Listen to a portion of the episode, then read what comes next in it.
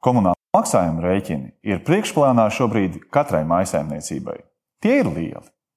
Šodien ar Andru Vulānu runāsim par energoefektivitāti, par to, ko mēs ikdienā varam darīt savādāk un labāk, lai mēs mazāk tērētu un efektīvāk dzīvotu.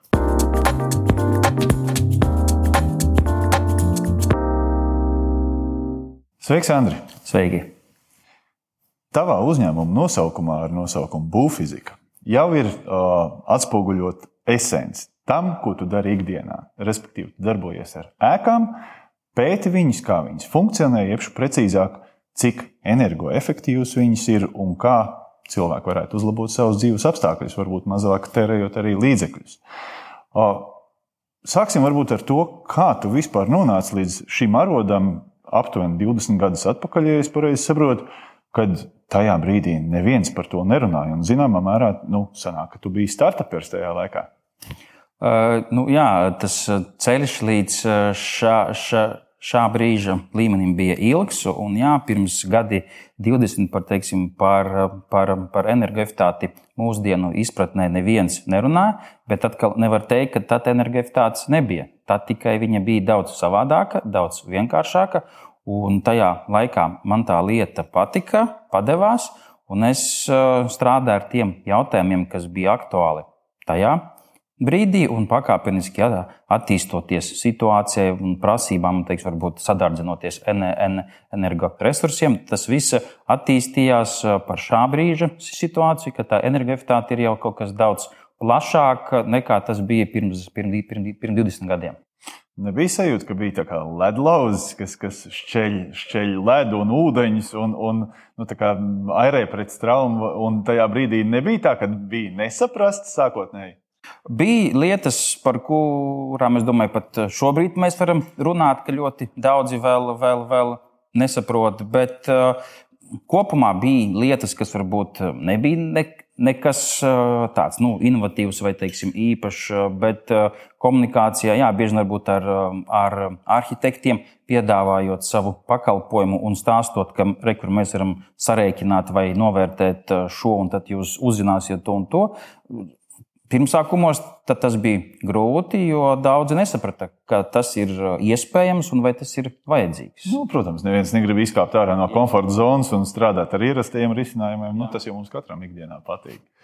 Um, ja es tev jautātu pāris vārdos, ko nozīmē e-, energoefektivitāte? Nu, te varbūt ir jāsāk ar to, ka, ka, ka, ka energoefektivitāte nav tikai ēkas. Ja, teiksim, ja mēs ņem, ņem, ņemam plašu pēc lielajiem patērētiem, tad energoefektivitāte at, attiecas gan uz ēkām, gan uz ražošanu, gan arī teiksim, uz transporta nozari. Bet eh, visās trijās, teiksim, tas vienkāršais būtu, ka jebkurā gadījumā savā būtībā energoefektivitāte ir energoresursu racionāla lietošana, teiksim, šī patēriņa samazināšana, un, ja mēs runājam par teiksim, ēkām, tad noteikti nos, nosacījums būtu arī komfortablas vides nodrošināšana iekštelpā, teiksim, ņemot vērā energoefektivitātes prasības. Bet, ja mēs skatāmies plašāk, tad attīstoties laikam, tam vārdam energoefektivitātei kaut kas visu laiku nāk klātībā. Ja mums Pirmsākumos, teiksim, varbūt energoefektivitāte saistījās, ka mēs nosiltinām sienu, nomainām logus, un tas bija jau tā kā ok. Tad eh, šobrīd mēs jau runājam par visu sēklas novērtējumu. Mēs runājam arī par uh, kādu iekārtu efe, efektivitāti. Mēs sākam runāt arī par uh, enerģijas ražošanu, jā, kas šobrīd jau tā kā Daudziem varbūt pat asociējas, ka, ka tas ir daudz svarīgāks energoefektivitātes uh, kritērijs nekā varbūt uh, patēriņa samazināšana. Un nākotnē energoefektivitātei būs vēl kaut kādas citas lietas, uh, kas nāks klātīm, kuras mums būs jānovērtē, lai mēs varētu uzskatīt, ka ēka ir energoefektīva. U, jā, pie nākotnes mēs viennozīmīgi atgriezīsimies, jo, jo, jo, jo tas, uz kurien mēs ejam un kā mēs nonāksim līdz skaistai nākotnē un klimata neutralitātei, iespējams, tas, tas ir liels jautājums. Bet varbūt drīz, ja, ja, jā, jā, jā. tā ņem pēc uh, normatīvām nostādnēm. Jā, bet uh, varbūt sāksim ar. Uh, Māju parasto. Lielākā daļa tomēr mums jau ir uzbūvētas mājas, un, un, un, un mājokļi jau kaut kādu laiku atpakaļ pieņemsim, Rīgā 70% iedzīvotāji dzīvo aptuveni. Uh, aptuveni 70% dzīvo padomu laiku būvētos mājokļos, un, un uh, nu, tur ar šo energoefektivitāti, protams, ir šādi izaicinājumi. Kas būtu, teiksim, varbūt tādas ātrās, nevis ātrās uzvaras, elementārākais veids, kā es varētu noskaidrot, vai ar manu mājokli viss energoefektivitātes virzienā ir kārtībā? Šeit droši vien jāsadala, ja mēs runājam par privātām mājām, tad es teiktu, to efektivitāti novērtēt ir vieglāk. Jo mēs varam gan uh, veikt fiziskus mērījumus cauru gadu. Jā, tas nav mums jāgaida ziema, kad uh, daudzi teiksim, grib veikt apsekojumu ar termogrāfiju, bet mums arī ir citi rīki, kā mēs to varam izda, izda, izdarīt. Ja mēs varbūt kas, kas, skatāmies uz daudzokļēkām, tad tur kaut kādi mērījumi ir grūtāk veicami. Un, ja mēs gribam noskaidrot savu dzīvokļa energoefektivitāti, tā bieži vien būs labāka nekā, ja mēs skatāmies visu eku kopumā. Ja? Līdz ar to tur ir nianses, kas būtu jāņem vērā. Bet, jebkurā ga, ga, gadījumā maksājums, ko mēs maksājam par apkuri, par teiksim, elektrību, ir labs rādītājs, lai saprastu, vai mums tā ēka ir teiksim, energoefektīva vai, vai, vai nav. Nu jā, šo, šo, šobrīd, saņemot pēdējos rēķinus, nu, es domāju, ka daudziem piezogās tā doma par to, ka, kad, nu, ka nav kaut kas kārtībā. Jo, Piekrītu. Jo, jo es skaidrs... pats savus rēķinus arī gaidu, kas saka, es uh, daudz it kā esmu pat uh, izdarījis, bet jebkurā gadījumā tarifs ir tarifs, jā, un uh, kas, kas no tā vien jau tas maksājums kļūst lielāks. Ja es pareizi saprotu, tad tie mērījumi jau ieskicēja termogrāfiju. Tas ir kaut kas, ko tu vari nomērīt vienkārši ar tādu termogrāfu kameru, lai saprastu, kur nāk ārā, teiksim, augstā laikā parādās uzreiz kaut kādas zonas, kur, kur ir tie siltuma zudumi. Es pareizi saprotu. E, jā, bet atkal, ja mēs paskatāmies uz termogrāfijas efektivitāti, tad pirms gadiem, 20, pirms 10, viņa bija pietiekami efektīvs rīks. Bet, ja mēs skatāmies uz šā brīža ēku arhi, arhitektūru, uz būvniecības tempiem, tad uh, ar termogrāfiju uh, tā iespēja redzēt kaut ko būtiski samazinās. Jo, piemēram, ar termogrāfiju mēs nevaram redzēt, ja mums ir ventilējuma fasāde. Ja agrāk mums bija mūris, viena siena, teiksim, nu, tā kā viss ir skaidrs. Šobrīd mums ir daudzslāņu konstrukcijas, vairumā gadījumos ventilējuma fasāde, un tad mēs no teiksim, ārpuses vairāk neko daudz ne, nevaram redzēt. Līdz ar to tā savu tādu lielo iespēju termogrāfija ir izdzīvojusi. Tas ir labs rīks, es viņu arī lietoju, bet viņam ir ierobežotas teiksim, iespējas kaut ko kvalitatīvi identificēt un varbūt tā nu, labi atspoguļot. Iekšēji mēs kompānijā runājām, tieši kolēģi vidū dalījāmies ar, ar šīm pieredzēm, ko un kā darīt. Un mēs arī savos objektos veicam šos blower testus. Un uh, viena kolēģi jautāja, kas tas tāds? Es arī labprāt šo pamēģinātu. Kas ir Bloverdora tests? Vai tas ir kaut kas uh, inovatīvs, un, un, un vai tu arī ikdienā praksē pielieto šo, un cik tas ir efektīvi? Uh, es strādāju ar šo, un principā esmu Latvijā neesmu pirmais, jā, bet viens no pirmajiem, kas ar šo uh, metodi un ar pārbaudes veidu uz, uzsāku praktizēt jau kopš 2010. un 2011. gads. Bet joprojām šobrīd arī daudziem tā ir sveša tēma. Viņi nezina, kas tas ir. Bet tas atkal velkās kopā ar to, ka energoefektivitāte bija siltināšana. Siltināšana, bet attīstoties arhitektūrai, tie risinājumi ēkās mainās. Un šis Bloverdora tests pēc būtības ir mērījums, kurš mēra, cik daudz mums ir caurumu ēkā. Un tie caurumi vairumā gadījumos ir saistīti ar nekvalitatīvu būvdarbu veikšanu, un caur tiem caurumiem mums ikdienā notiekās, piemēram, ziemā augstā gaisa plūsma, mums tas gaiss ir jāsūta, un viņš atkal ātri pazūd. Un uh, šādi zudumi var sastādīt līdz pat 50% no ēkas kopējiem siltuma zudumiem, un līdz ar to teiksim, tas, ja šobrīd uh, daudzi savas privātas mājas teiksim, grib varbūt uh, uzlabot un pirmais, ko viņi domā, nosiltināt, tad ļoti bieži siltināšana viņam nepalīdzēs, jo viņam tas efekts no siltināšanas būs ļoti, ļoti maz, maz, maziņš.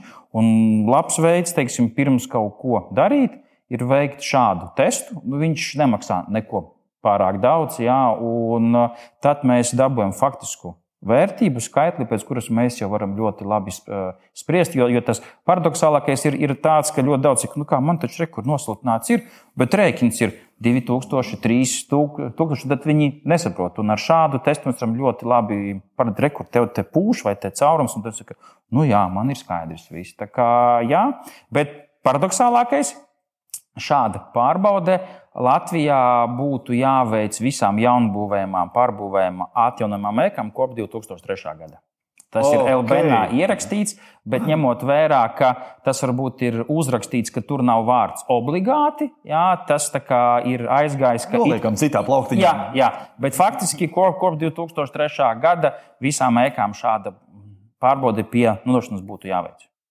Tas nozīmē, ka pirmkārt mēs varbūt nezinām par šo risinājumu, un vēl jau vairāk mēs nezinām, ka patiesībā tas ir jādara obligāti. Jā, tikai ka nav vārds ob obligāti. Jā. Jā, bet jā, nu, tas sanāk tā kā, es teiktu, mikro, varbūt mikroķirurģijā, jeb precīzāk, magnetisko rezonanci, ka tu uztaisīji mājā. Tā ir diagnostika, jā. Tu, tu saproti, no kurienes ir, rodās visi šie zudumi un kur kas, kas pazūd. Vai ir kaut kādas fiksās uzvaras, ko var teiksim, šīm te, varbūt jau gadiem lietotajām ēkām iedzīvotājs veikt. Kaut vai es nezinu, ieradumos, savos ikdienas ieradumos, ko durvis nevirināt, vai, vai tie paši vecie piegājienā izlīmēt logus un vispārējais. Vai ir kaut kādas vieglās un ātrās uzvaras? Nu, es teiktu, viena ātrā uz, uz uzvara pie šā brīža, jo īpaši energoresursu cenām, es būtu tas nu, no manas aspekta vienkāršākais ir samazināt iekštelpā temperatūru. Jo, jo tā ļoti daudzi ir pieraduši, teiksim, viņš kā vasarā staigā pa māju šortos, tā viņš arī ziemā grib staigāt šortos. Bet, uh, ja mēs sagiebjamies drusku siltāk, mēs varam samazināt iekštelpu temperatūru, un viens, viena grāda samazinājums ir aptuveni kaut kādi 6-9% no, no teiksim, patņu. Un, un, un līdz ar to, ja mēs uzturam ikdienā plus 24, ja mēs pārējām uz plus 20, ja, tad mums ir neko nedarot, ja, mēs varam ļoti būtiski samazināt patēriņu. Vispārējais kaut kādi tehniskie risinājumi, protams, var aizlīmēt durvis, vēl kaut ko, bet uh, mājas ir dažādas. Jo, piemēram, tā māja, kas ir uzbūvēta pirms desmit gadiem, es teiktu, pēc risinājumiem bieži vien var atšķirties no mājas, kas ir uz, uzbūvēta pirms, divu, pirms 20. Un tad iedot vienu gatavu risinājumu, es atteiktos to darīt šobrīd. Jo es esmu ikdi, ikdienā ļoti daudz ar tām ēkām strādājis, un katra ir kaut kas savs. Mm. Jā, un nu, tad nākošais jau ir kaut kāds tāds nopietnāks, fundamentālāks solis, kaut kāda ieguldījuma. Pieņemsim, Tagad pat ir ļoti liels bums ar saules paneļiem. Daudz jau domā, un ne tikai domā, bet arī strādā pie siltumsūkņiem.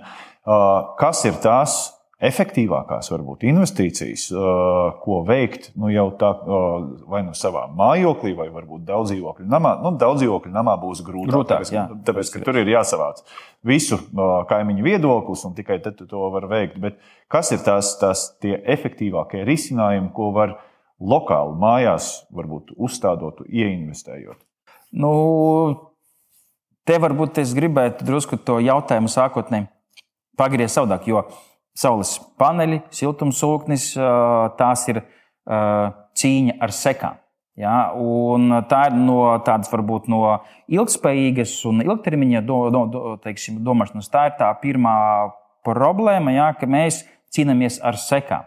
Bet faktiski mums būtu, ja mēs runājam par jaunajiem projektiem un par at attīstību, ka mums ir jāpiedomā pie tā jau projektēšanas stadijā un pie būvniecības, un tad arī tie visi risinājumi mums būs tā, varbūt lētāk, efektīvāk. Jo, ja, ja mēs runājam par tiem saules paneļiem, tad nu, iz, iz, iz dzīves tur aizbraucu pie paziņām, jā, kas saka, ka arī iesaka paneļus likt vai kā, ka mums ir patēriņš liels. Bet es aizēju viņiem uz, uz, uz virtuvi, viņiem ir Šnaiga 20 vai 30 gadi veids leduskapis. Ja? Tad uh, Mēs gribam to viegli, viegli, vieglāko, bet ļoti bieži mums ir jāpaskatās, varbūt, kā, kā mēs varam sākumā to patēriņu samazināt. Uh, un, un tad teiksim, tas efekts ilgtermiņā var būt daudz uh, labāks. Protams, no, no šā brīža energoresursu cenām, ja mēs liekam saules paneļu, tur tas labums būs. Ja mēs runājam par siltumu sūkņiem, tad es esmu tā drusku piesardzīgs, jo siltumsūknis jau pie, pie mums liek, bet siltumsūknis pēc būtības ir paredzēts ēkām, kas ir energoefektīvas. Un ja mēs to siltumsūkni uzliekam uz ēku, kas nav energoefektīva, un ja mums ir tikai siltumsūknis bez saules paneļiem, tad pēc diviem mēnešiem es domāju, daudzi būs nepatīkami pārsteigti, ka tas rēķins tāpatās ir, ir liels. Jā. Līdz ar to katrs no šiem risinājumiem ir labs, bet mums ir jāskatās uz visu ēku kopumā. Nu, respektīvi, šeit, jebkurā gadījumā, ir vēlams vērsties pie speciālistiem un saprast, nevis uz savu galvu kaut ko darīt, bet nu, saprast, izanalizēt, uztaisīt blodoru testu vai līdzīgus mērījumus, un tad kombinēt šos risinājumus tā, ka tas ir atbilstoši konkrētajam gadījumam, konkrētajam īpašumam. Es varētu iz dzīves ļoti daudz piemēru stāstīt, cik vien nu, uz, uz ātru pats uz savu galvu pasūtītais ieliek sūkni, jaudu pats noteicis kaut kā, viss ir ļoti labi līdz pirmajām, teiksim, līdz pirmajiem lielajiem min minusiem. Tad, tad sūknis iet uz pilnu klapu siltuma nav. Ja? Un, un tad aizbrauc, teiksim, veids gan testu, gan veids aprēķinus, un redzu, ka tā jauda ir neatbilstoša, teiksim, mājas kvalitāte nav tā, kā būtu jābūt, un, un rezultātā čiks vien ir. Ja? Un tagad tajā brīdī mainīt siltumsūkni uz citu, tas atkal ir pavisam citas izmaksas. Nu jā, te mēs arī nonākam pie skaistās nākotnes un pie, pie jaunajiem projektiem. Diezgan skaidrs, ka būvēt vecumā ir diezgan muļķīgi. Līdz ar to arī mēs savos projektos esam jau projektēšanas fāzē noteikuši to, ka mums ir jāsasniedz gandrīz nulles enerģijas ēkas status visiem, visām mūsu nākošajām ēkām. Un, un, protams, ir šie risinājumi. Tāpat mums ir saules paneļi uz, uz, uz jumta, kas kaut kādā mērā spēj nodrošināt koplietošanas elektrības apgādi dienas laikā. Siltās grīdas, kas rada komfortu, trīslāņi, logi un tā tālāk. Uh, varbūt vari vēl ieskicēt, kas ir tie must have, jeb šo nepieciešamie risinājumi jaunajām ēkām, lai viņas būtu nākotnes drošas. Nu, viens, ko es jau minēju, kad mēs runājam, ka kas ir energoefektivitāte, un teiksim, bez kā, patēriņa samazinājuma mums ir jā, jārunā arī par komfortu. Un, ja mēs runājam par teiksim, energoefektīvu ēku, visi nosauktie risinājumi, tas palīdz samazināt mums enerģijas patēriņu. Bet otra puse ir komforts. Un uh, jaunbūvēs noteikti aktuāla tēma, kurai būtu jābūt, viņi ir pietiekami kvalitatīvi jāizvērtē, ir tas, kas saistīts ar ventilāciju, svaigā gaisa padošanu. Jo ļoti daudzi domā, re, kur uzbūvēšu energoefektīvu ēku, blīvu, nosiltināšu, ventilāciju neliksim. Ja, tas ir dārgs prieks, ja tā var teikt. Bet, ja mēs runājam par kvalitatīvu vidi, iekštelpu un tā tālāk, tad ļoti svarīgi noteikti ir, ir, ir ņemt vērā, vai teiksim, izvērtēt tas, kas ir saistīts ar ventilāciju Un tas, kas varbūt vēl nāk klātim, varbūt liksies kā pārsteigums, bet noteikti bez apkures pat, patiņa mums, ja mēs runājam arī par to pašu komfortu, ir jārunā par vasaru un par pārkaršanu. Jā, jo ļoti bieži, kas saka, mēs šobrīd dzenoties aiz energoefektivitātes, taisam lielas stiklotās virsmas un tā tālāk, jā, bet tas daudzos projektos rada problēmas attiecībā uz pārkaršanu vasarā tāpēc tur atkal varbūt ir svarīgi, no kādiem materiāliem mēs um, būvējam, teiksim, sienas, jo, ja tas ir betons, tad viņam ir zināma kā, siltuma akumulācija. Tas mums var palīdzēt līdzsvarot kaut kādas te temperatūras, pārkares, stiklojuma, pārklājuma. Tas viss atkal nāk klātības, tas varbūt nav tieši energoefektivitāte, bet tā ir labsajūta visa gada griezumā. Mm, jā, šie, šie ir būtiski punkti, un pie, pie izvēles noteikti, noteikti Jā, ir, pircējiem ir jā, jāpievērš uzmanība šīm niansēm. Jo, jo skaidrs, tiešām, ja mēs pērkam šobrīd mājokli, tad tas ir ieguldījums uz ilgāku laiku un uz ilgāku perspektīvu. Ja mēs runājam var, vēl par tālāku perspektīvu, nesen biju arī Vācijā mūsu nozars izstādē, un, un nu, tur jau diezgan tā skaļi runā par klimata neutralitāti. Arī mums Eiropas Savienības regulas, tā skaitā arī Latvijā, ir, uzstrā, ir šādi tādi jau uzstādījumi līdz 2030. gadam, kas ir jāsasniedz, bet nu, kopumā tas mērķis ir līdz 2050. gadam Eiropai kļūt klimata neitrālai. Atsevišķi investīcija fondi jau runā par to, ka viņi savus portfeļus, jeb īpašumus, kas atrodas viņu portfelī, plāno pārveidot, pilnveidot par klimata neitrāliem, jeb šo nulles enerģijas mājokļiem un, un nulles enerģijas ēkām vēl pat līdz 30. gadam. Viena Somijas kompānija pat izteica plānu līdz 28. gadam. Ko tas nozīmē? Ko, faktiski, kādi ir tie risinājumi, lai māja būtu nulles enerģijas māja? Vai mēs vispār šajos platumgrādos kaut ko tādu varam sasniegt? Jā, varam, jo šeit varbūt drusku ir jāpieskaras definējumam. Tas automātiski nenozīmē, teiksim, ka, ja, ja ir nulles enerģijas ēka, ka viņa neko nepatērē. Ja mēs paskatāmies uz um, direktīvu, viņa laikam vēl nav apstiprināta, vienkārši ir um, pirmā redakcija bijusi, tad pēc definīcijas nulles enerģijas ēka nenozīmē, ka viņa ir pa nulēm. Tas nozīmē, ka, piemēram, laikam mūsu platuma grādos šobrīd piedāvājums ir, ka primārās enerģijas patēriņš būtu ap 60 kWh. Te uzreiz ir divas lietas, ka nav nulle un jauns rādītājs - primārā enerģija. Un tā nav enerģija, ko mēs redzam tieši savā skaitītājā, bet tā ir enerģija. Nu, mēs vērtējam, kāds energoresurss mums nodrošina ēkā. Siltumu, elektrību un tā tālāk. Un, jo mums ir atjaunojami, nu, teiksim, vairāk atjaunojamo energoresursu, jo mums ir vieglāk sasniegt šo zemāku primārās enerģijas rādītāji. Līdz ar to no šā brīža regulējuma nulles enerģijas ēka nozīmē, ka viņa patērē ļoti maz, bet akcents šobrīd ir vairāk nevis uz to, ka mēs vēl vairāk siltināsim, bet mēs lietosim vairāk atjaunojamos energoresursus. Un, un, un, tie, un te atkal ir daudz jaunu izaicinājumu, jo tagad, ja privātmēm varbūt tas ir viegli izdarāms, tad pilsētas mērogā, tad tas, tad tas ir daudz grūtāk. Un tas ir varbūt ir pilsētas vai valsts mērogā, kā mēs at, attīstam centrālu, centralizēto teiksim, siltumu apgādi un tā tālāk. Jā, tā, tas viss nāk kopā, un tad mēs varam tikt līdz tam nulles enerģijas līmenim. Jo arī šobrīd. Uh, daudzas ēkas, kas, kas varbūt mums ir atbilstošas gandrīz nulles enerģijas ēkām, bet ja viņa ir ar siltumu sūkni un saules paneli, tad viņi, es teiktu, varētu atbild, atbilst arī nākotnē nulles enerģijas prasībām. Mm, tas nozīmē, ka jau šodien, paskatoties ar skatu nākotnē, atkal jau, ja mēs ir investējam, tad, tad pieliekot nedaudz, mēs varam sasniegt daudz patiesībā. Jā, jā.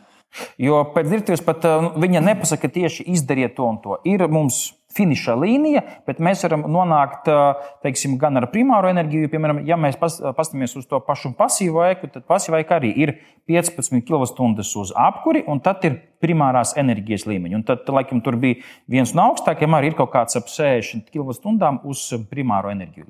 Līdz ar to idejaski tas nozīmē, ka tā kā pēc tās koncepcijas mēs samazinām patēriņu, un tad mēs liekam virsū atjaunojamos energoresursus, un tad mums viss ir tā kā. Tas jau, jebkurā gadījumā ir vēl joprojām stāsts par apusēju sadarbību. Tas... Nevis tikai uh, tehniskie risinājumi, bet arī tērējam. Jā, tas ir tas, ko mēs runājam, kas ir energoefektivitāte. Ja pirms 20 gadi bija mazāk tērēt, tad šobrīd mēs runājam par to, ko mēs arī ražojam. Un, ja runājam par nulles enerģijas sēku, arī svarīgi būs ne tikai saražot, bet to izdarīt pareizi to enerģiju uzkrāt, jo, šo, jo, jo, jo šobrīd teiksim, tā viena lielā problēma ir ar atomenergoresursiem. Nu, ņemam to pašu sauli, vasarā viņa mums ir. Bet mēs viņu nevaram saturēt. Un šobrīd ļoti daudzi strādā pie tā, kā to enerģiju saglabāt, ak akumulēt un pēc tam lietot. Jā, un caur to prizmu mēs tiksim līdz tai nulles enerģijas ēkai. Uh, jā, uh, sarunai tuvojoties noslēgumam, uh, Varbūt ieskicē, ja mums šī saruna būtu pēc pieciem vai desmit gadiem, Kā tad tu redzi, kur mēs ejam un kādi būtu tie risinājumi? Varbūt ir arī tādi risinājumi, kas dotajā momentā ir pavisam agrīnā fāzē, un viņi arī ir līdzīgi kā startups. Tavā izpratnē 20 gadus atpakaļ, varbūt šobrīd kāds par to maz runā, bet jau notiek šī attīstība, un kur mēs redzam nākotni? Nu, es gribēju teikt, ka tā nākotne kaut kādā ziņā būs saistīta tieši ar atjaunojumu energoresursu efektīvu lietošanu. Jo, ja mēs paskatāmies pasaulē, tad ir ļoti daudz pētījumu, iestrādes, bet tas viss saistīts ar teiksim, tādu nu, pietiekami zinātnē ietilpīgu darbību, ko nav iespējams izdarīt vienā, divos gados, un tur ir vajadzīgs laiks. Bet uh, es teiktu, ka būs daudz vairāk risinājumu, kā mēs varēsim efektīvi tos pašus atjaunojamos energoresursus uh, lietot. Ja? Un tas, kas, piemēram, varbūt mums Latvijā vēl nav, bet ārzemēs arī, kas uh, attīstās enerģija, kura varbūt vienā vietā ir lieka, tiek mesta ārā, mēs viņu efektīvi varam paņemt un nodot citiem. Piemēram, man tagad arī Latvijā ir, ir, ir, ir nu, projekts, kur tas varbūt tieši būtu akt, aktuāli. Datu centri, viņiem ļoti daudz liekas en, en, en, en, enerģijas. Un ārzemēs ir tā, ka viņi to atdod centralizētos siltumu tīklos, un tad uh, kāds cits to lieto. Pie mums tas ir šobrīd pa, pa nulēm, uh, kas, kas, bet tā ir enerģija, kuru mēs varam lietot, un tā, kas kaut kādā ziņā būtu bez maksas. Tā kā noteikti virziens, kas būs uz atjaunojamo energoresursu efektīvu lietošanu. Prieks dzirdēt, ir, ir vismaz plāns, un, un es ceru, ka uh, sarunai ir arī dzirdīgas ausis. Un, un, un arī, teiksim, tādā, uh, nevis tikai valsts regulu līmenī, bet uh, domāšanas līmenī mēs virzīsimies tajā virzienā.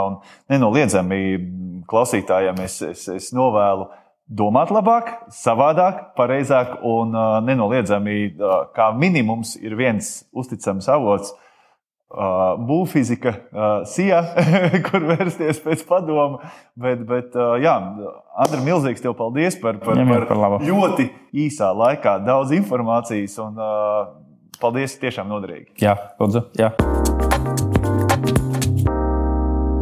Šīs dienas sarunā ar Andri bija ļoti interesanti klausīties par to, ka patiesībā ne jau tikai energoefektīvie šie risinājumi vai, vai kaut kādas papildus investīcijas ir tas, kas uzlabo mūsu ikdienu un rēķinus.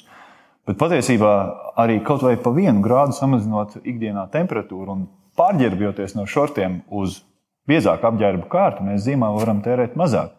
Bet labā ziņa ir tā, ka dotajā momentā visa pasaule runā par virzību klimata neutralitātes virzienā, šī brīža komunālo maksājumu rēķini spiež mums par to domāt vairāk. Un, uh, es ticu, ka mēs kā sabiedrība iesim uz priekšu un krietni mazāk tērēsim tā vietā, lai mēs patiesībā varētu tērēt un dzīvot labāk.